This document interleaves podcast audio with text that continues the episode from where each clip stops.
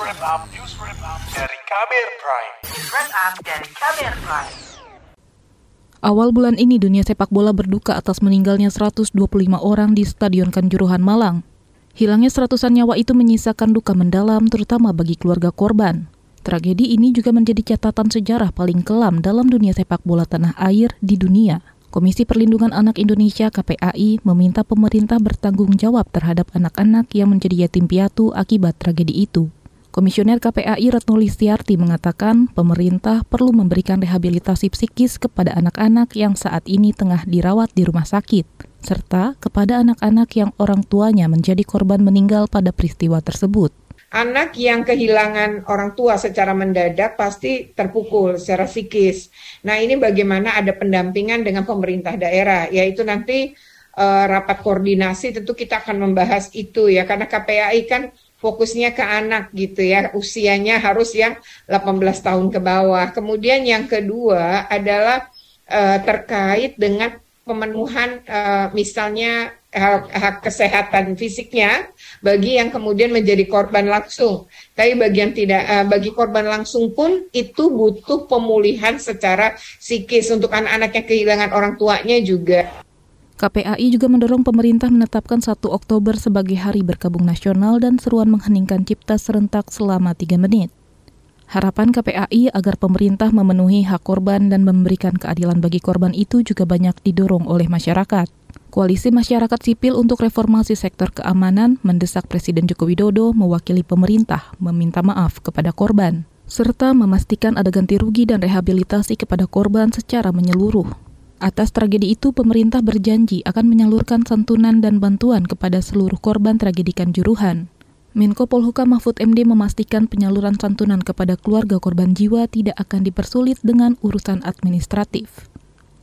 Nah, untuk ini eh, presiden juga sebagai apa tanda bela sungkawa meskipun tentu hilangnya nyawa setiap orang itu tidak bisa dinilai dengan uang berapapun harganya tapi presiden berkenan e, untuk juga memberi santunan memberi santunan kepada setiap korban jiwa itu sebesar 50 juta rupiah Pemerintah memastikan keluarga korban jiwa akan menerima santunan itu paling lama Rabu pekan ini.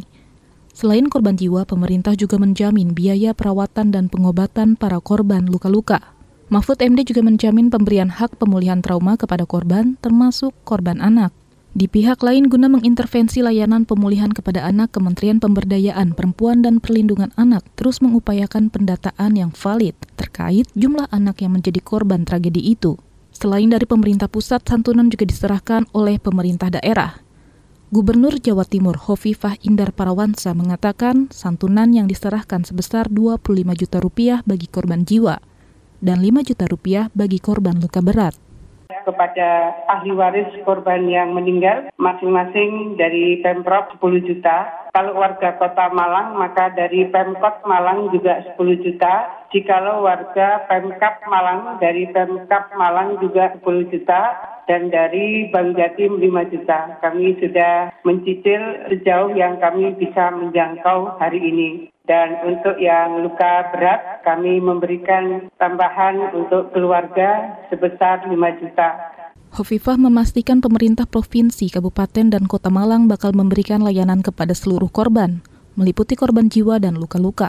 Ia menjamin biaya layanan kesehatan milik Pemprov Jawa Timur itu ditanggung pemerintah alias gratis. Mengenai isu adanya permainan data korban, Menteri Pemuda dan Olahraga Zainuddin Amali menegaskan data 125 korban jiwa itu sudah akurat.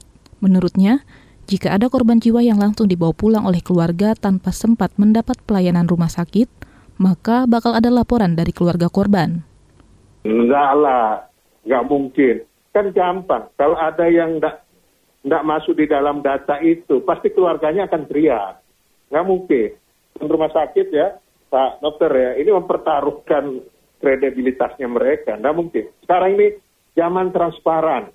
Saya kira kita pegang saja dulu data yang ada dari apa pemerintah, yakni 125 dan itu hasil rekonsiliasi. Angka yang hari ini kita pakai adalah 125. Demikian laporan khas KBR saya Mutia Kusuma Wardani. Kamu baru saja mendengarkan news wrap up dari Kabel Prime. Dengarkan terus kabelprime.id, podcast for curious mind.